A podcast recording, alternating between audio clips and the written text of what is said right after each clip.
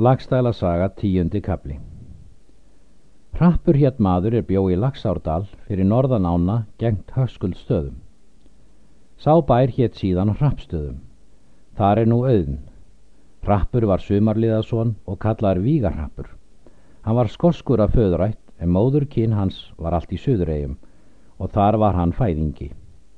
Mikill maður var hann og sterkur. Ekki vildi hann láta sinn hlut þó að mannamunur væri nokkur og fyrir það er hann var ódæll sem ritað var en vildi ekki bæta það er hann misgerði. Þá flýði hann vestan um haf og kefti sér þá jörð er hann bjó á. Kona hans hétt Vigdís og var Hallsteinsdóttir. Són þeirra hétt Sumarliði. Bróður hennar hétt Þorsteit Surtur er þá bjó í Þórsnesi sem fyrir var ritað. Var þar Sumarliði að fóstri og var hinn efnilegasti maður.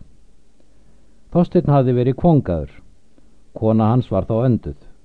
Dætur átti hann tvær hétt önnur Guðrýður en önnur Ósk. Þorkett Trévill átti Guðrýði er bjó í Svignaskarði. Hann var höfðingi mikill og vitringur. Hann var Rauða Bjarnarsson.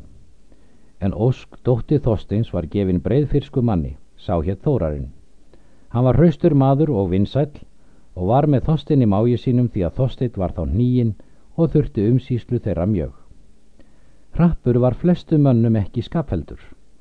Var hann ágangsamur við nábúa sína.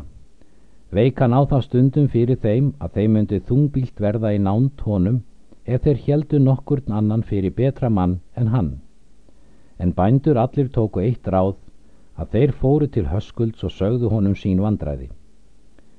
Höskuldur bað sér segja ef hrappur gerir þeim nokkuð megin, því að korki skal hann ræna með mönnum nýja fjö.